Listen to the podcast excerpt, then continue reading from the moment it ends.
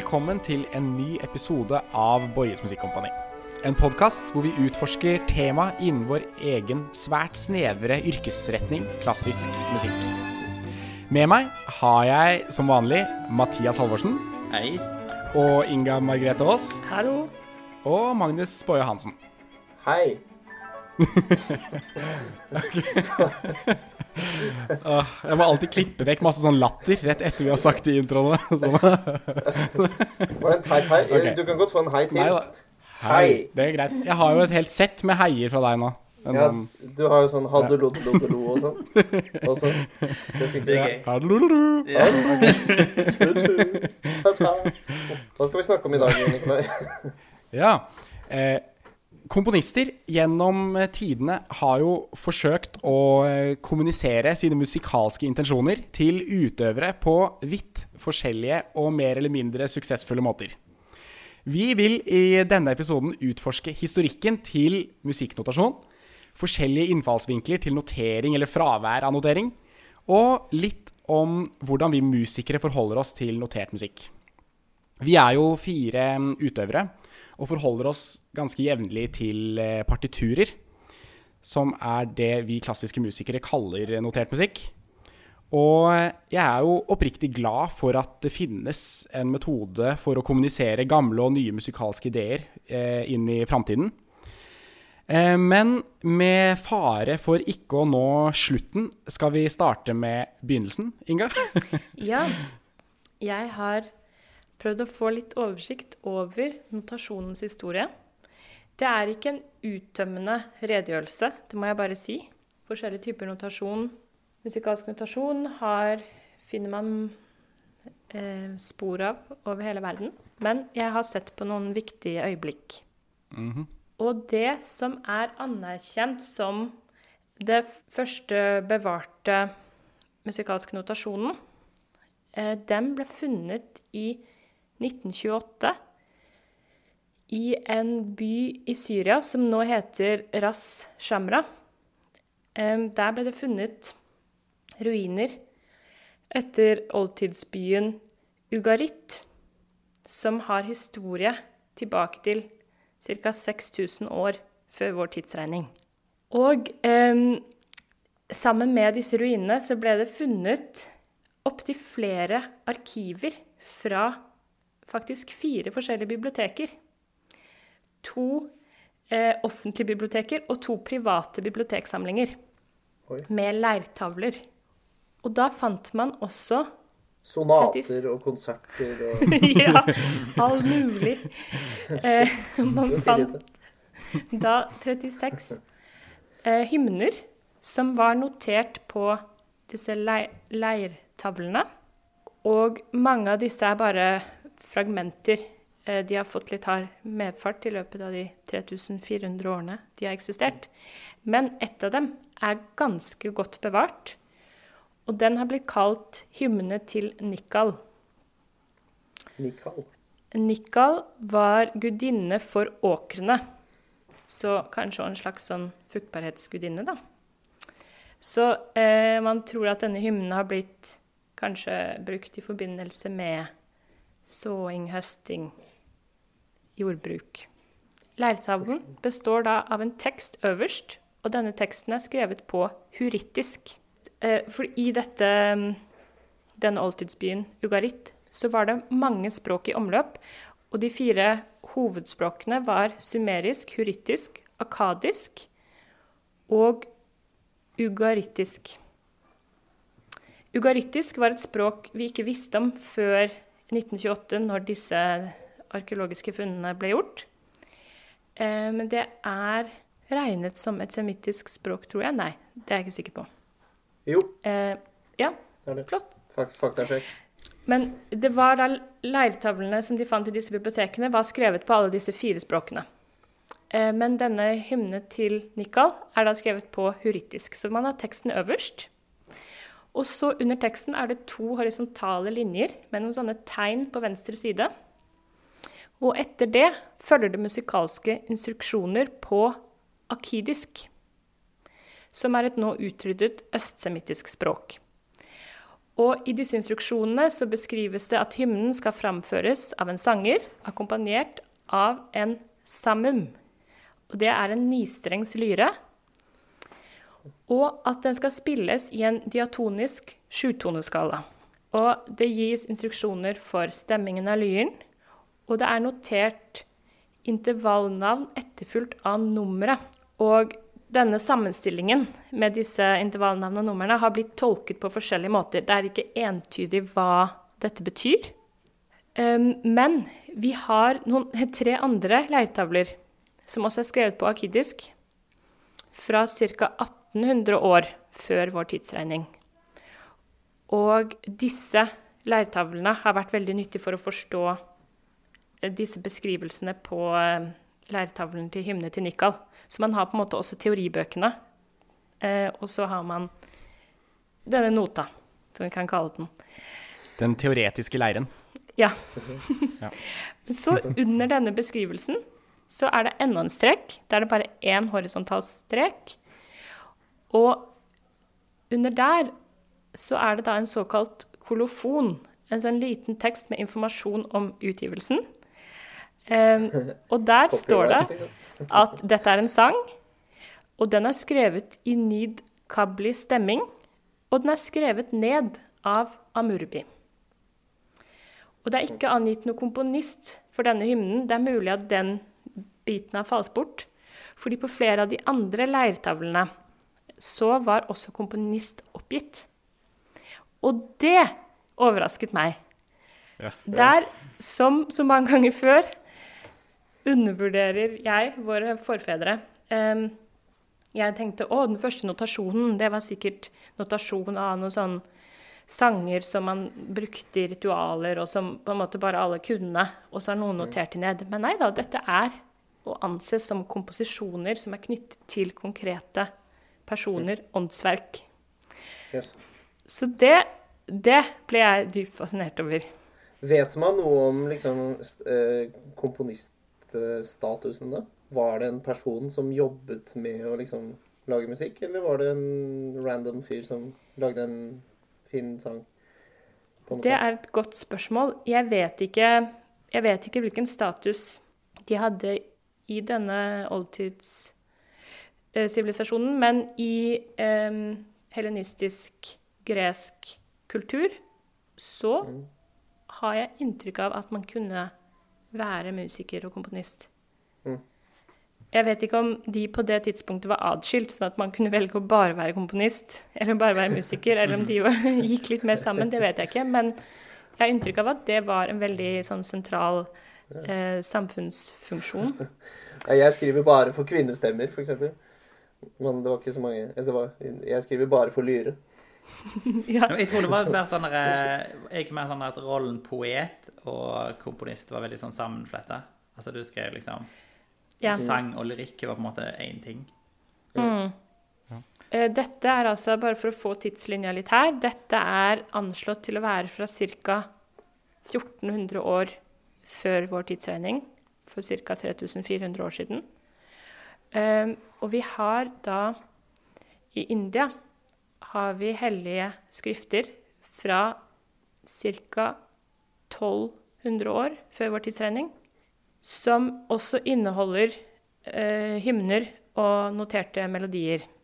Og dette er en del av eh, de hellige skriftene som kalles Veda. Og de består av fire vedaer, og da er det da den ene som heter Sama Veda, er en hymnesamling bestående av over 1800 vers med melodier. Og disse tekstene, eh, hymnene, er hentet fra en av de andre vedaene, som heter Rig Veda. Men i denne samlingen så er de da satt musikk, eller satt Altså det er med musikalsk notasjon. Og disse er da Språket i disse tekstene kaller vedisk, og det er den eldste formen av sanskrit. Og sama, saman, samavedaen, er delt i to hoveddeler. Og den første delen inneholder fire samlinger med melodier, og denne delen er kalt gana. Og her er musikknotasjonen er da skrevet rett over, eller også noen steder inni tekstlinjene. Og det er enten skrevet med tall eller eh, bokstaver eller stavelser for å angi det musikalske. Og så står det også da, i denne kilden jeg har funnet, at teksten har blitt tilrettelagt for sang ved turning, twisting, elongating its syllables, and by inserting various modulations, rests and other modifications. Så det høres ut som det også er en eller annen type Ikke metrisk, men likevel også notert noe om eh, tidsparametere. Ut fra det de sier. Det var litt vanskelig å finne veldig mye om akkurat hvordan det er notert. Fordi dette er hellige skrifter, sånn at de kanskje viktigste aspektene ved de er ikke akkurat den musikalske notasjonen. Men dette er regnet for å være Noen steder sto det at dette var den tidligste, at dette er den første musikalske notasjonen man har. Men, og det var jo da sikkert det fram til 1928, hvor man fant uh, hymne til Nikal. Eh, men det jeg også syns var spennende her, er at det står også at innimellom disse i tekstene, så er det også skrevet inn meaningless sounds called stuba, which resembles shouts of joy, such as hui, hoi, hova, hai, ho, ui, ai, ha, ho, ua, tayo, etc. Dette er til etterfølgelse fra nåtidens komponister, syns jeg. Ja, så det syns jeg også revi ja, revidering av på en måte eh, vår sånn klassisk eh, tradisjon. Liksom Få inn et par ho hoier og heier i Mozarts eh, sonater, f.eks. Det kan jo hende det er Absolutt. publikums reaksjon, da. Også. Mm. Sånn, «Woo!» Yeah. Woo! Ja, for, forvent den reaksjonen her. Nice. Men vet de noe om hva det der er for noe, da? Eller sånn, Skulle man liksom hoie innimellom, da? Som for å holde rytmen, kanskje? Eller et eller annet sånt? Eh, Nei, det, det er tekst som skal synges. Det er vel ment for å Høyene. sikkert understreke innholdet i disse mantraene. eh, Eller hymnene. For de er jo da De fins jo i en annen tekstsamling, på en måte som ren tekst. Og så her er de repetert, men utbrodert med Mm. eh, ja, musikalsk notasjon. Så Mm. det syns jeg var eh, spennende at de også da har lagt til sånne små Og Følelsesmessige utbrudd, eh, liksom. På Ja. de viktigste stedene.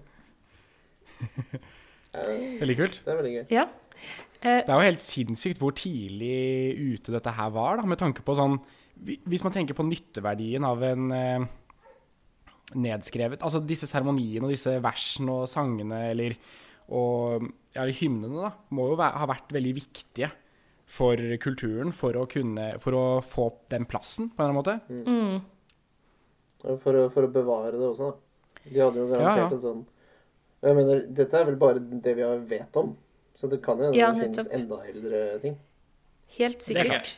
Jeg vil jo tro garantert at vi har ikke vært heldige nok til å finne den ene eldste. Nei. Altså sånn. Det skal mye til. Ja. Mm. Det er Og liksom, sikkert så finnes det jo også ikke sant, Leirtavler er jo et materiale som vil ivaretas over tid. Mens det finnes sikkert også ting som er skrevet i materialer som ikke er ivaretatt. Sånn som Ja. for eksempel tre, da, som råtner opp. Eller eh, ikke sant? For, sånn der, Man kan tenke seg sånn primstavnotasjon, for eksempel. Altså, sånn, det fins jo Altså, tre må jo ha blitt brukt til sånne ting, tenker jeg. Mm. Og så har det blitt borte bare fordi det har råtna opp i historiens løp. Tre. Ja. Eh, Ja. Jeg syns det var litt interessant også å sjekke når den tidligste tekstnedskrivningen er fra. Mm. Og eh, så vidt jeg skjønte, så er det fra ca. 6000 år før vår tidsregning, på ca. 8000 år siden. Mm. Som en sånn sammenligning. Når begynte man Mm. å notere tekst, og når har vi i hvert fall funnet bevis på at man begynte å notere lyd og musikk? Nei, det er liksom, jeg vet ikke om Var den med i den den første podkasten hvor, vi- hvor vi snakket om at, det er, at mennesker bare koser seg med lyd? Så det er på en måte Ja. Gå litt inn i akkurat det. Mm. At Ja. eh, mennesker liker å kose seg med lyd. Det er helt tydelig. Mm. Og bare det å notere noe på dette tidspunktet er jo vanvittig mye mer tidkrevende, ressurskrevende enn å notere noe eh, nå eller de siste hundre årene. Og, og så at man har gått til det skritt å notere det ned, bety, må jo bety at det har hatt en utrolig viktig rolle. Og selvfølgelig med Samaveda så er det hellige skrifter. Så det er klart at det er helt sentralt i kulturen. Og, og denne hymnen til Nikal ikke sant? Nikal var jo også en gudinne som kanskje var viktig for høstingen og Ja, at musikken har jo helt klart eh, vært bruksmusikk. Også sånn åndelig bruksmusikk, hvis man kan si det. Det er jo Jeg tenker jo også at eh, Fordi man har jo hatt ganske gode eh, tradisjoner for sånn muntlig overføring og memorisering gjennom rytme og gjennom vers og liksom sånn versføtter og sånne ting. liksom, At man har klart å overføre ting på den måten. Men det at man skriver det ned, kan det også ha noe med at man har lyst til å spre det på en eller annen måte? At sånn, det at det er på et spesifikt språk også, og at liksom det rike som var da, hadde lyst til å overføre denne kunnskapen til andre kanskje enn sin egen befolkning, og på en måte man ekspanderer sin egen sånn kulturelle, sitt kulturelle nedslagsfelt, da, på en eller annen måte. Det kan være. Det er spekulasjon, selvfølgelig, men mm. En slags, en jo- misjonsarbeid. For sånn i den lokale byen, på det lokale språket, så vil sikkert alle kunne disse tingene på en måte gjennom skolegangen, på en eller annen måte, da. Eller livets, livets skolegang, eller hvilken som helst skolegang de gikk. Mens eh, det å spre eh, den kulturen er jo ikke nødvendigvis så lett, da. Alle andre vil jo sikkert ha sine egne metoder for å håndtere diverse guder. Så, og der kommer jo selvfølgelig mobilitetsspørsmålet. Når du driver og skriver noe i stein, så er det jo liksom ikke så lett å drasse med med seg seg. på langtur. Men, men det er jo garantert en, en del av det, da.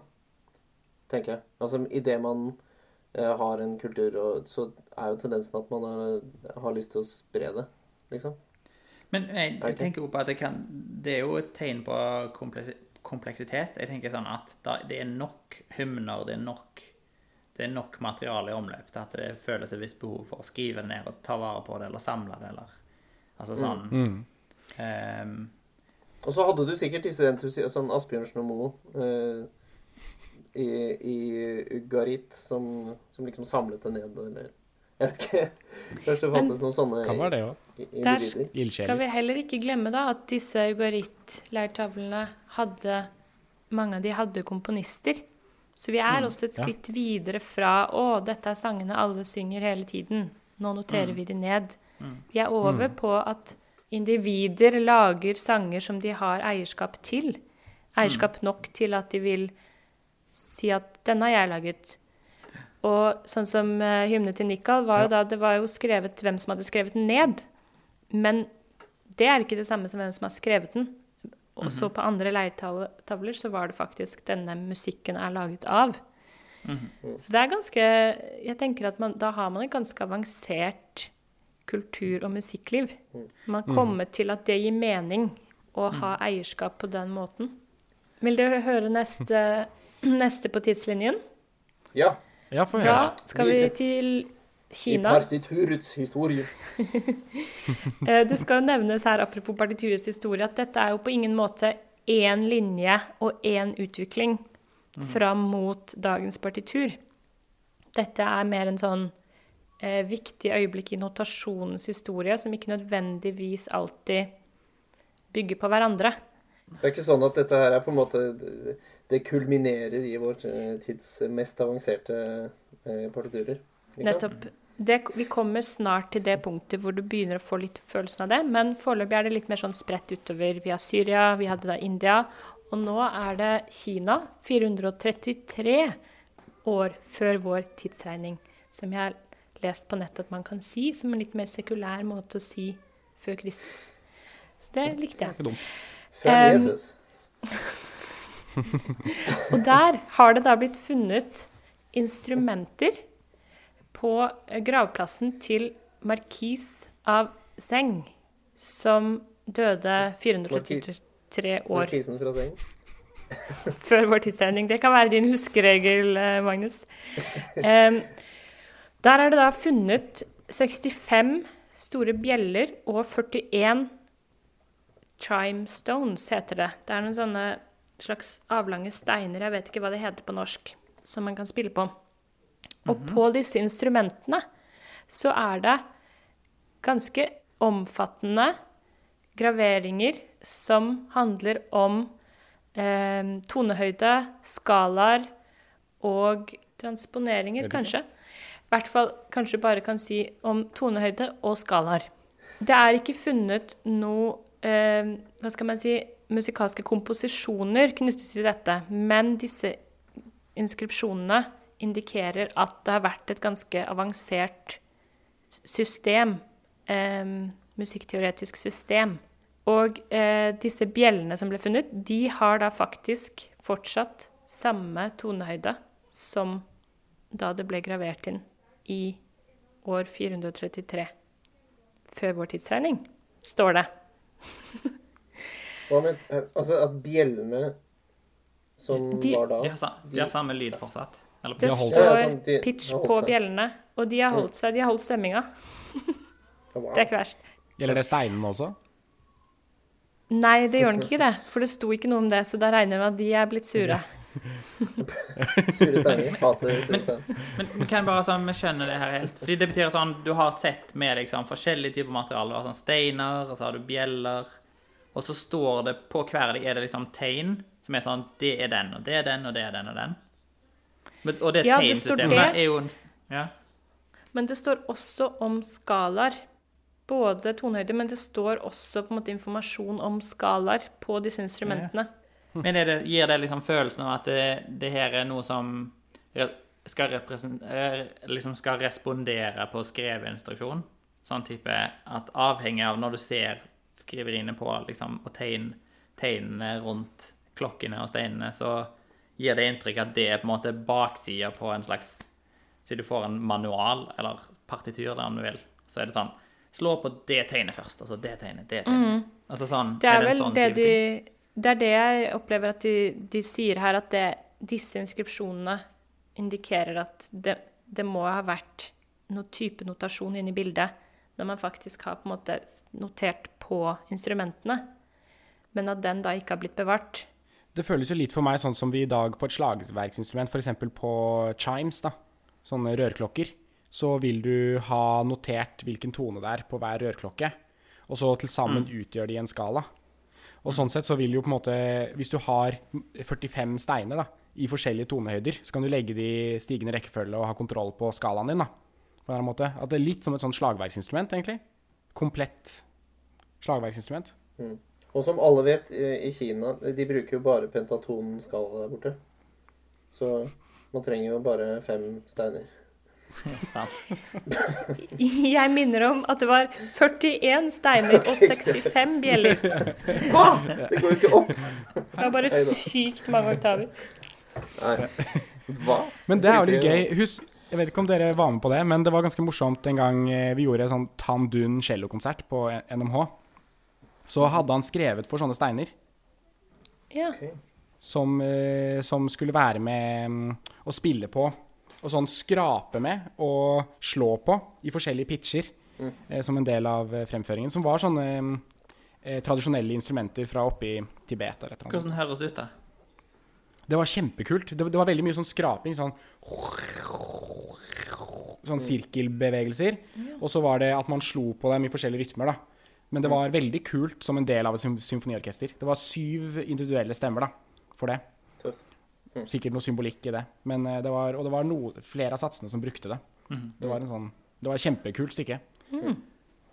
Husker det, som, husker det veldig godt. Og han baserte jo det selvfølgelig på Det var også med masse video av eh, urfolk oppe i fjellene som sang. Eh, Som ble brukt som materiale i den eh, cellokonserten. Det var veldig kult stykke. Jeg bare kom på det siden vi snakket om Siden steiner var en del av disse Ja. instrumentene fra 400 før Kristus. Kanskje Tandun har lest samme artikkelen som deg, Inga. ja. Garantert. Neste stopp på notasjonens historie. Er dere klare? Det er Vi er klare. Da er vi i år eh, 200 til 100, før vår tidsregning. Og vi er i, per dags dato, tyrkiske Aydin. Men historisk sett var dette da en helenistisk by kalt Tralles. Tralles, jeg vet ikke hvordan man sier det med riktig uttale. Tralles. Derav Og- å tralle og trylle. Kanskje. Fordi her er de veldig opptatt av de, at dette er den første komposisjonen som er bevart i sin helhet. OK. Og der Det er rett og slett melodi og tekst som er gravert inn på en marmorstele. Altså en sånn eh, steinsøyle som er, ofte er brukt på gravsteder. Så denne ble funnet på et gravsted. Eh, og teksten er på gresk. Og melodien er notert med den gamle greske musikknotasjonen. Og den tar form som symboler som er plassert over den greske teksten. Litt som i eh, Samaveda. Så hadde de også symboler rett over teksten. Og i denne gamle greske musikknotasjonen så var det to forskjellige sett med symboler. Og den ene var brukt for vokal, og den andre for instrumental. Og så er det også noen symboler, så vidt jeg skjønte, som har å gjøre med metrikk og versemål. Altså mer sånn Ja, det var de opptatt av, de grekerne. Ja, sånn versefot. Og um, disse symbolene som ble brukt for vokal, det er noen spesialsymboler som det spekuleres i at kanskje var hentet fra et uh, gammelt alfabet som vi ikke kjenner lenger. Og instrumentalsymbolene er de 24 bokstavene i det joniske alfabetet. Dette er da første komposisjon bevart i sin helhet. Man kan høre den på nett hvis man vil. Og den kalles Seikilos sang. Seikilos sang. Og okay. ja, Nei, bare disse 24 bokstavene, de tilsvarer da eh, pitchen, eller er det eh, andre parametere også? Eller er det teksten, liksom? Nei. Nei, så vidt jeg forsto, så er det da pitchen. Så jeg lurte også litt på hvorfor de trengte 24. Nei, er det to Men- oktaver, da? Eller tre oktaver, eller Det er sikkert flere skala. oktaver. Og så var det jo da noen symboler som var mer for sånn metrikken, metrikken i teksten. Jeg kan ikke svare med sikkerhet på noe av det, det du sier, Mathias. Nei. Nei, Magnus. En, en ting som jeg tenkte på, er at det er ikke nødvendigvis sånn Altså, er det en sånn sterk forståelse for at, at notasjonssystemene så langt tilbake i tid var sånn Det er sikkert noe folk vi ikke vet, selvfølgelig, for vi vet så lite. Men, men at det var um, universalt, på en måte. Eller kan det ha vært sånn at du hadde mer en situasjon hvor, hvor en komponist f.eks. lagde sitt eget skriftspråk for for uh, sine, sine ting, eller for det verket. Sånn, for det verket så er reglene sånn, og, og her, er, her er den koden, på en måte. Eller at han lærte seg sine koder. Eksempel at du hadde en sånn Mine, ting, mine studenter lærer seg mitt språk, og så har du sånn rivaliserende Skoler, tonespråk liksom. fra han. Ja, for eksempel. De, kan jo være. Denne gammelgreske notasjonen var standardisert, og det vet vi fordi grekeren Al Alypius skrev en avhandling om musikk som er fra ca. 300 år før vår tidsregning. Og pga. denne avhandlingen så er det ganske lett å tolke den notasjonen som vi har får på Seikolos sang. Så der, der hadde de et slags standardisert uh, notasjonsmateriale. Men ved det så vil jeg også anta at det fantes lokale variasjoner etc. Sånn som det alltid er. Det var sikkert konstant utvikling og på en måte og utvidelse av systemet. Ja. Og så skal det jo også liksom. nevnes her, tenker jeg, at vi vet jo også at eh, de gamle grekerne hadde veldig utviklet musikkteori. Altså F.eks. med Pythagoras, som forsket på strengenes vibrasjon, overtoner, sfærenes musikk. Altså at de tenkte mye på musikk og matematikk, og hadde systemer og teoretiske kategorier med liksom harmonia, genos, melos Altså at de holdt på mye med systemer, men det er jo ikke nødvendigvis det samme som å begynne å notere ned musikk. Men at, at de har tenkt veldig systematisk rundt disse tingene. Det vet vi. Der står jo også Jeg ser her på notene eh, som de har overført til moderne eh, notasjon. Og her, her står det jo veldig ofte i seks åttendels takt. Ja. Eh, ba-ra-ra, ra-ra-ra-ra. Litt sånn derre sånn, ta-ta-ta. Men noen ganger så er det også notert i eller tre fjerdedels eh, takt. Eh, altså for, for vår del så vil, det- vil de jo Man vil jo interpretere det på en litt annerledes måte. Ettersom Altså vi har et litt mer avansert eh, notasjonssystem, da. Ja. Men det, er- det er jo morsomt å eh, Ja, hvordan, hvordan er det blitt tenkt? Er det mer, mer eh, fritt, liksom? Eller er det veldig sånn metrisk i forhold til teksten? Skal det gå tusle og gå ganske rytmisk, eller? Det er jo påfallende at um, denne hymnen til Nikal og Samaveda og Seikel og sang er alle tett knyttet til tekst. At du har tekst eh, Du kan se for deg at det er litt sånn tekstresitasjon som på en måte har brutt over i sang og musikk. Um, og det er litt interessant med dette notasjonen som er funnet i Kina, at der er det ikke noe eksplisitt tilknytning til tekst. Men der er det jo også Notasjonen er jo da ikke funnet. Det er bare på en måte eh, hint om at det har vært en notasjon her. Så f.eks. vi har en annen hymne fra Delphi fra 100 år 128 før vår tidsregning. Og der vet man at den er i frygisk skala, og den andre er i lydisk. Sånn at det er nok det der med nettopp rytmen, som du sier, Magnus, er det parameteret som er mest annerledes i notasjon fra sånn vi tenker på musikk i dag. Mm. Men det med at den er så tett knyttet til tekst Da Da må jo teksten ha vært styrende Mm. for metrikken, skulle man Ja. tenke seg. Ja, De var jo fryktelig opptatt av tekstens rytme, veldig ofte. Og sånn, man kan jo tenke, jeg, jeg føler man fort kan tenke seg at, at det er en litt sånn skalletradisjon også. Med det der med å liksom gjengi en historie, så eh, vil man alltid liksom prøve å eh, få en eh, metrikk i versene Mm. for å kunne huske en lang hi historie. Og musikk vil også alltid hjelpe en sånn hukommelsesgreie. Så jeg tror liksom at eh, rytme vil være ikke sant, ta-tam, ta-tam, ta-ta, ta-tam, ta-tam ikke sant, så, Sånne type verseføtter tror jeg var ekstre- eh, styrende for musikken òg, på en måte med tanke på rytmikk. Mm. I hvert fall hvis det er knytta til tekst. da. Ja, det er veldig nærliggende å tenke det.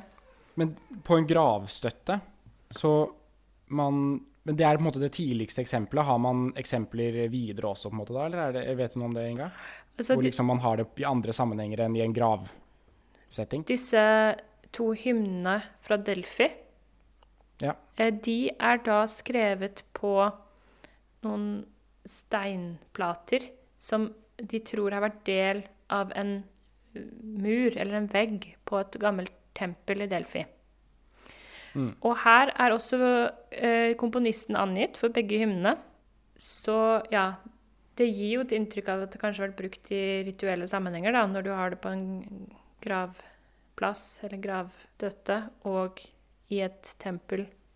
Det jeg bare eh, funderer litt over, er vi Dette er jo på en måte det vi er eh, Det vi har funnet ut av ja, gjennom arkeologi og em, Og alle disse eksemplene er jo på en måte rituelle eller religiøse på en eller annen måte. Em, og det er vel også kanskje fordi det er, det er laget for å be, bli bevart. På en måte Skrevet på steintavler og, og så videre. Mm. Men det jeg lurer på, er liksom hvordan var det for eh, Åssen var det for mannen i gata?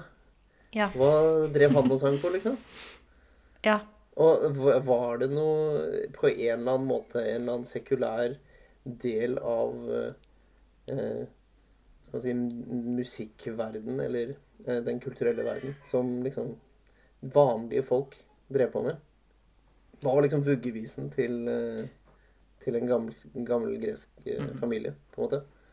Uansett så tror jeg iallfall båndene mellom liksom sånn eh, rituelle ting og religion og sånn Altså det var mye tettere knytta opp i samfunnet. Jeg tror sånn folk Så alt som hadde med liksom kunst, som var veldig musikk altså Når det er veldig tett knytta opp i, i religiøse ritualer eller ja, spirituelt liksom samfunnsliv, så tror jeg det er veldig sånn på toppen av folk. Altså sånn, jeg tror ikke det er det er ikke sånn, Jeg tror det er Det er mye separat, tettere liksom? enn å gå eh, i kirka på søndag. Som er mye Mm. tettere enn det. Iallfall jeg opplever til vanlig. Ja. Så det er sånn eh, Jeg vil tro at det var mer Men samtidig så Selvfølgelig så har det vært en sånn eh, Det er jo garantert en hel bunch med masse sånne verslige sanger Ja, ja, som bare garantert. er forsvunnet. Mm. Det er sikkert sånn sladderpressen og Ja. historiefortelling generelt. Ja, ja. Skikkelig sånne grovis-sanger. Det er skrønen sånn. her. Ja, ja. Ja. Det, I sangform. ja. En ting som jeg tenkte på, Nikolai, du sa sånn at, at eh, Og det er sikkert noe som, som eh, folk Som en vet, men jeg, og jeg har hørt det mange ganger. Jeg bare, jeg synes alt Det er liksom aldri Jeg har aldri f- følt så veldig for å sånn, godta det helt. Eller det har føltes litt rart for meg. Og det er når du sier sånn at sånn som eksempel Drømkvedet eller mange av de her lange historiene er fortalt på verseform fordi det er lettere å huske, så føler Mm.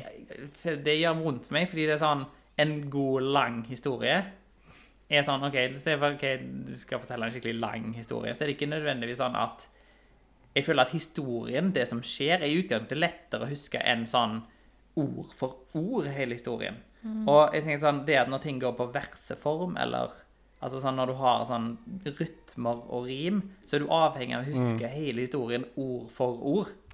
Da er du Det er et interessant liksom av interessant poeng. Fordi det, tror du ikke at nettopp det er en måte å konservere en historie på én måte? Fordi hvis du forteller en historie mer sånn den, liksom. rundt, rundt leirbålet, Ja, og så husker den personen det viktigste, det, det den mottakeren, lytteren, opplevde som viktigst, forteller videre, ja, så, så er jo den historien i forandring. Og det er kanskje Men i det øyeblikket du lærer deg på rim, Mm. da er det ikke bare å bytte ut som, Da blir det som Man kan ikke bare bytte ut med sånn nødrim i stedet for Altså da Da skal du være god. Da merker du det med en gang du ikke gjenforteller akkurat. Og så tenker jeg det forutsetter på en måte en sånn der eh, infrastruktur hvor du har en type skald, sant? Som, så du har sånn drømkvede, så er det ikke sånn at en av de som hørte drømkvede, ah, ja, nå har jeg drømkvede. Så nå må jeg huske, det tar liksom Nei, nei. uker eller Det må jo være en mester- og lærlingsituasjon. Så du må ha liksom- Ja, eleven sitter der og sånn, nå skal jeg lære meg drømkvede Mm. sånn som jeg lærte det av læreren min. Og det tar lang tid. Jeg må øve masse, prøve flere ganger, og så falle ut. Men det er jo en sånn kjempeflott ting i folkemusikken. da. Der sier jo det fortsatt. At jeg har denne slåtten etter Ola Baugestøl oppi liksom sånn der, da. Og, sånn, og så sier man Man refererer ofte den man lærte den av. Og så refererer man ofte den første dokumenterte eh, på en måte oppføringen av dette stykket, som hvem som virkelig lagde denne låten. Og så hvem man Og så liksom hele genetikken, da. Eller sånn den derre linja lå, eh, lå, den låta har tatt. Helt fram til deg i dag, som du fremfører nå. Har den ære av å gjøre din versjon av, liksom. Og sånn, en sånn type lærlingforhold ville man jo tro Det er jo én måte å dokumentere Ja. musikk på, på en eller annen måte. Eller å overføre da, til neste generasjoner. Vil jeg presisere at denne historien, de punktene jeg har valgt ut her, de er knyttet til notasjon. Not notasjon. Og at det ja, fins veldig mange, bare for å presisere det, det fins mange typer musikk som har blitt bevart veldig godt på andre måter. Over hundrevis og til og med tusenvis av år. Eh, også eksempel har vi japansk gagaku-musikk som ble spilt på hoffet og ble bevart veldig nøye. Men jeg har ikke funnet at det har vært noe sånt, at man har noe veldig gammel notasjon av den musikken. Men det er både musikk og dans som i veldig stor grad har blitt bevart. Sånn at det er også viktig å nevne at det fins jo mye musikk som har, har blitt uh, nøye bevart uten at den har blitt notert.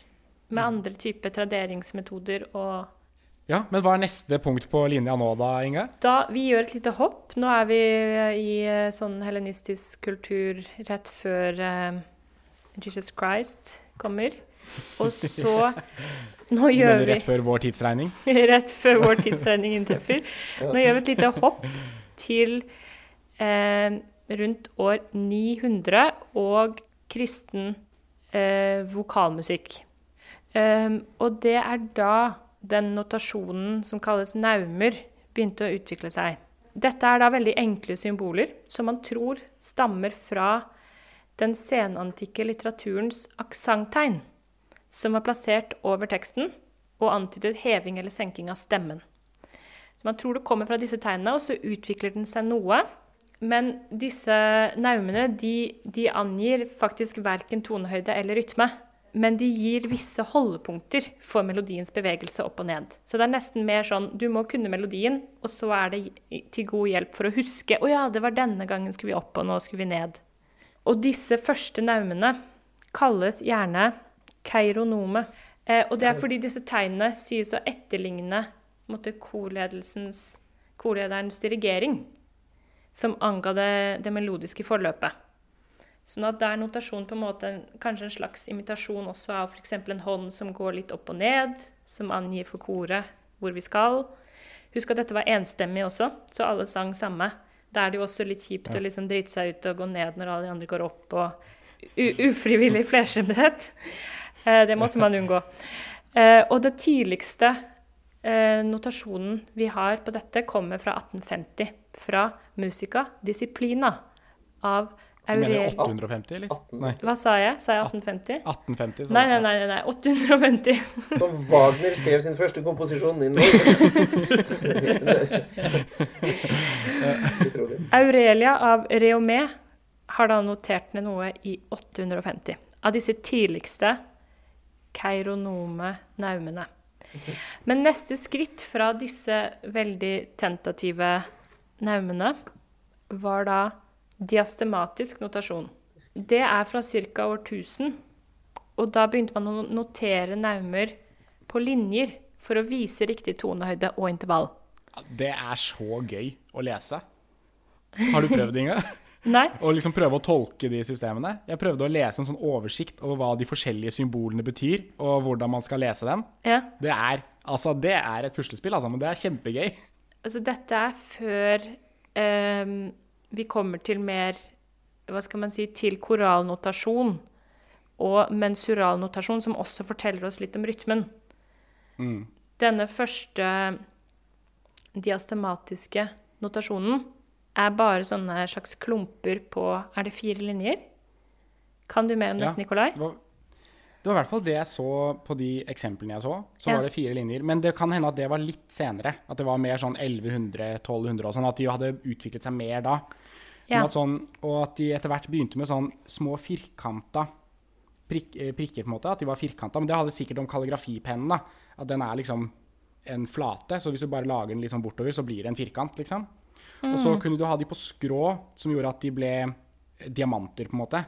Og, da, og det, det jeg hørte der, var, sånn, det var ganske morsomt, fordi de kunne noen ganger skrive noter oppå hverandre. Og da betyr det bare at du bryter oppover, at du går oppover i en skala, i tonehøyde. Hvis, øh, men ikke samtidig. Det er etter hverandre fortsatt. Mens hvis du går nedover, så var det skrevet som diamanter. Så da går du liksom Da beveger du deg nedover fra en tone sånn på én konsonant, da. Eller nei, på, Ja, på én ordlyd. Sånn melisme. Så du kunne få sånne bevegelser på stavelsene og sånn. Og det, jeg, man hører det jo for seg med en gang, føler jeg, med sånn der gregoriansk Mm. Sett på litt gregorianske salmer, så vil man jo fort Ja. høre det. Men du sier at når man noterte to toner over, over hverandre, som om vi skulle forstått at det skulle spille samtidig, så spilte man det ikke samtidig. Nei, da gjorde man det etter hverandre i oppover på samme stavelse. Mm, riktig. Og da hadde de jo også faktisk etter hvert nøkler, både C-nøkkel og F-nøkkel, som de flytta rundt på det notesystemet. Ja, og dette tror jeg er tilskrevet Altså, disse nyvinningene, eller denne Når eh, notelinjene og notesystemet kom opp, det er liksom tilskrevet Guido d'Arezzo, som er rundt år 1000. En eh, italiensk benediktermunk. Og det er han som på en måte anses å være opphavet til det som begynner å ligne mer på vårt notesystem. Og han satte da opp fire linjer, og han hadde en spesiell farging av C- og F-linjen. Og så begynte han da å sette inn tonebokstaver C eller F i begynnelsen av linjesystemet, som var starten på nøkkelsystemet. Og han, eh, D'Arezzo han var en eh, morsom type, fordi han er også opphavet til altså solfège, visstnok. Han Oi. begynte å bruke yeah. sol solmization, er det det det heter på engelsk? Uh. Eh, I da opplæringen av, uh, i, som et sånn pedagogisk verktøy. Han sa sikkert solfeggio. Solfeggio. ja, det sa jeg også om Sorry. Fortsett. Eh, kan jeg bare si hvordan han gjorde det? For han Ja. tok da utgangspunkt i hymne til eh, Johannes døperen. Et hymne. Og så brukte han starten på hver linje som den første som eh, navnet på en tone. Han, må ha vært et pedagogisk talent. Han brukte da materialet de allerede kjente, ikke sant, dette hymnet. Og så var det da Da ble stavelsene ut, re, mi, fa, sol, la, s. Så det, det har blitt litt forandret på siden hans tid, men, og dette var fordi det bare var, det var starten på hver liksom linje i en hymne. Herregud. Og- For en luring. Ja. Ja. Jeg leser også, leser også her at du, vi snakket om eh, keronomisk Nei, keironomisk notasjon. Og det kommer jo fra eh, keronomi. Keironomi, som er keironomidirigering, som angir det melodiske forløpet fra en dirigent. Altså en kordirigent. Mm. Så det er jo på en måte det han gjorde, da. Rett og slett. Altså Mm. viste tegn for koret. Hvor de skulle bevege seg. Ja. Og han Det er nemlig også et, et annet verktøy som ble brukt, er det som kalles Guodian hand. Som ble brukt i eh, middelalderen. Eh, Guardian hand. Og det, man antar at dette også kanskje kan ha opphav fra Guido d'Arezzo. Men det tror jeg ikke man har sikre kilder på. Men det var rett og slett at han brukte en håndflate til å peke, og så var det da sånn at de forskjellige leddene på fingrene var forskjellige toner. Og at han kunne da peke på forskjellige steder på hånda for å lede koret. Og dette var også sånn triks for å memorere musikk. At du brukte din egen hånd, og så hadde du på en måte mønsteret i da Godin hand. Så han hadde flere, flere verktøy i verktøykassa, han eh, Guido. Så tok han fram langfingeren når det ikke gjør sånn. også opphavet til langfingeren. Og den derre ja. Eh, Hva er det det heter? Det? god auditiv underholdning, dette her. Ja. Rockefingre kaller eh, Eddie det. Nå nærmer vi oss veldig på en måte eh, at, vi, at vi når en sånn eh, notasjon sånn vi kjenner det. Så jeg bare tar liksom innspurten her. Og det er da at på 1200-tallet så eh, var det at flerstemmighet begynte å, begynte å vokse fram. Og da begynte man å få behov for at toner kunne holdes med forskjellig varighet. Og da kommer da mensuralnotasjonen inn. Det har ikke noe med mensen å gjøre, eh, men det kan du fjerne, Nicolai. Det var ikke så morsomt. Nei, nei, det er. Vi, vi begynner å bli litt sånn humorpodkast, så er bare Mensuralnotasjon det er en måte å notere ned syklusen, sånn at man vet når neste mensuralperiode kommer. Eh, Det var ble bare brukt i nonneklosser. ja. eh, mensuralnotasjon, da har man et femlinjet system. Uh, Så da det skjer stadig fremskritt her. mhm. Eh, og så hevder de da i norske leksikon at uh, taktstreken ikke ble tatt Altså, det kan ikke stemme. Det stemmer jo ikke. At den Hva sier du? Her påstår de at taktstreken ble tatt i bruk rundt 1600. Det er jo ikke riktig. Vi har da spilt musikk fra Rundt før 1600? 1600 Er det sånn pluss-minus 200 år? Eh, Ja, men det har alltid frustrert meg litt når man gjør sånn skikkelig tidlig musikk. At eh, det er veldig Det er bare Altså Hvis man ser på urtekster her, så fremstår det som lite taktstreker, altså. Ja. Det er kanskje noe man sier bare i starten, hvilken taktart det skal være i. Og så Du har jo også f.eks. i eh, enkelte Bach-satser, Johan Sebastian Bach, hvor du, hvor du har sånne halvtaktstreker. Som viser Ja. at det skal gå over to takters fraser, fire takters fraser osv. Så, videre. Mm. så det var ja, vel det stemmer sikkert, da. Det var vel kanskje ikke helt ikke. Men det kan jo hende ja, at rundt år 1600 også kan være sånn pluss-minus 200 år. Ja. At det kan være Ja, det er vanskelig å si hva de mener med rundt. Kanskje ikke, Ja. kanskje ikke fullt eh, 200 år, men eh, 50-100. Eh, her skal det også nevnes at fra rundt 1400 så begynte det å dukke opp tablaturnotasjon også. Ja. Mm. eh, som jo beskriver Det er ofte knyttet til strengeinstrumenter, eh, som gitar og lutt. Og da er det fingergrep. Eh, altså tall eller bokstaver angir fingergrep. Så det er mer en sånn direkte instruksjon til hvor man skal trykke ned. Eh, Ja, det er gøy. I stedet for Sånn at du får ikke nødvendigvis vite hvilken tonehøyde det skal, som skal klinge, men du har bånd, og så står det hvor du skal trykke ned, og så da får man høre, høre tonen når man gjør det. Men eh, for å komme litt tilbake til denne mm, normene, holdt jeg på å si. Men jo, jeg hørte litt om sånn der at de hadde et sånn tidlig tegn. De var eh, enstemmige, men så eh, hadde de etter hvert tegn for å kunne splitte opp i rene intervaller. At man bare fulgte melodien, eller, eller at man eh, forsanger, ettersanger-type greie. Hvor man f.eks. sang en strofe, og så kunne en annen være et ekko av den sånn eh, eh, rett bak, f.eks., men eh, en kvart over eller en kvint over. Sånne rene intervaller over eller under. At man kunne liksom få sånne på en måte det de kaller monofoniske eh, stemmeføringer, da. Sånn at de, de synger helt det samme i sånn spørsmål-svar eller samtidig innimellom også. At det er bare sånn rene kvarter og kvinter over og under hverandre. Men at det var liksom egne tegn for når de kunne splitte opp det. da. Og etter hvert mer og mer avansert. Og at det på en måte blir den inngangen inn i faktisk polyfoni. da. Jo, jo mer man begynner å notere ned, og jo mer avanserte disse mm, monofoniske strukturene ble, jo mer liksom Åh, det var jo litt fint, da, med den der Når man liksom bare hang over bitte litt med den kvarten.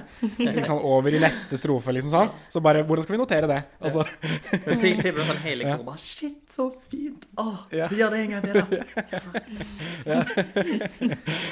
det må ha vært en sånn magisk sånn derre transformasjon. Med tan- og det gikk over så lang tid, da. Men, men allikevel sånn er det at Bare sånn miniatyrskritt videre. liksom bare sånn Skal vi tillate en, eh, en tæsj, eller? Skal vi, sånn Hva heter han som er sånn Eller han eller hun som er sånn sjef for eh, sånn kloster? Se? ab Nei. abbedøse?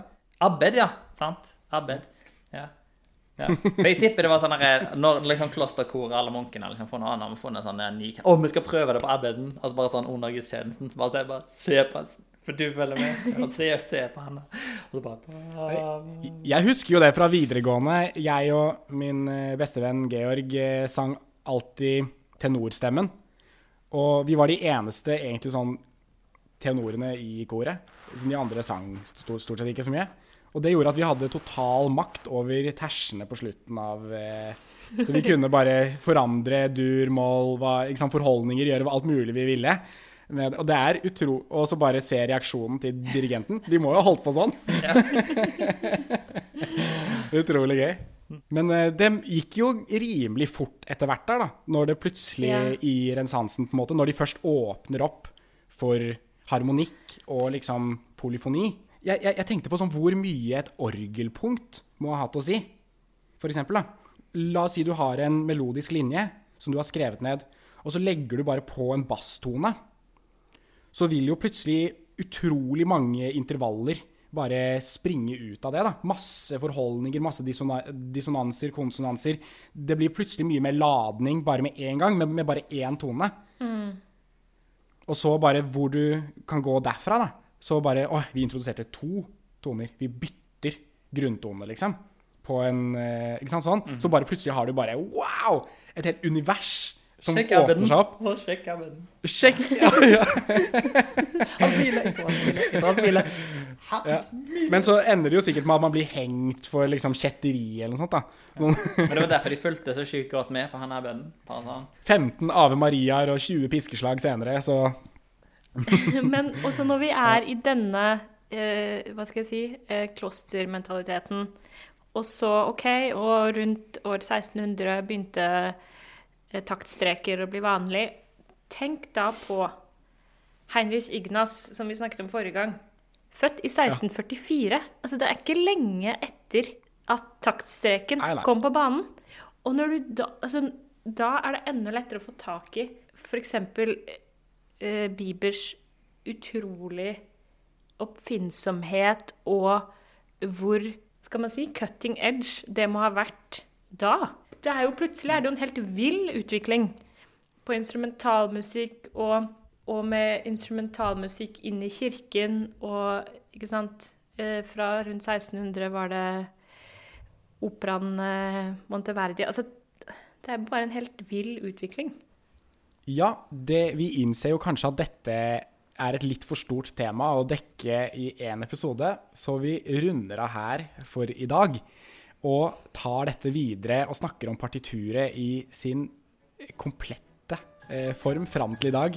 Etter eh, Vi eh, lager altså en eh, episode til hvor vi viderefører dette temaet. Og da gjenstår det jo faktisk bare å takke for oss for i dag. Og eh, om du vil bidra til samtalen, eller fortelle oss noe vi burde ha visst, eller bare ha forslag til tema vi bør snakke om, så send gjerne en e-post til nikolai at boyeskompani.no. OK, ha det bra. Ha det. Ha det.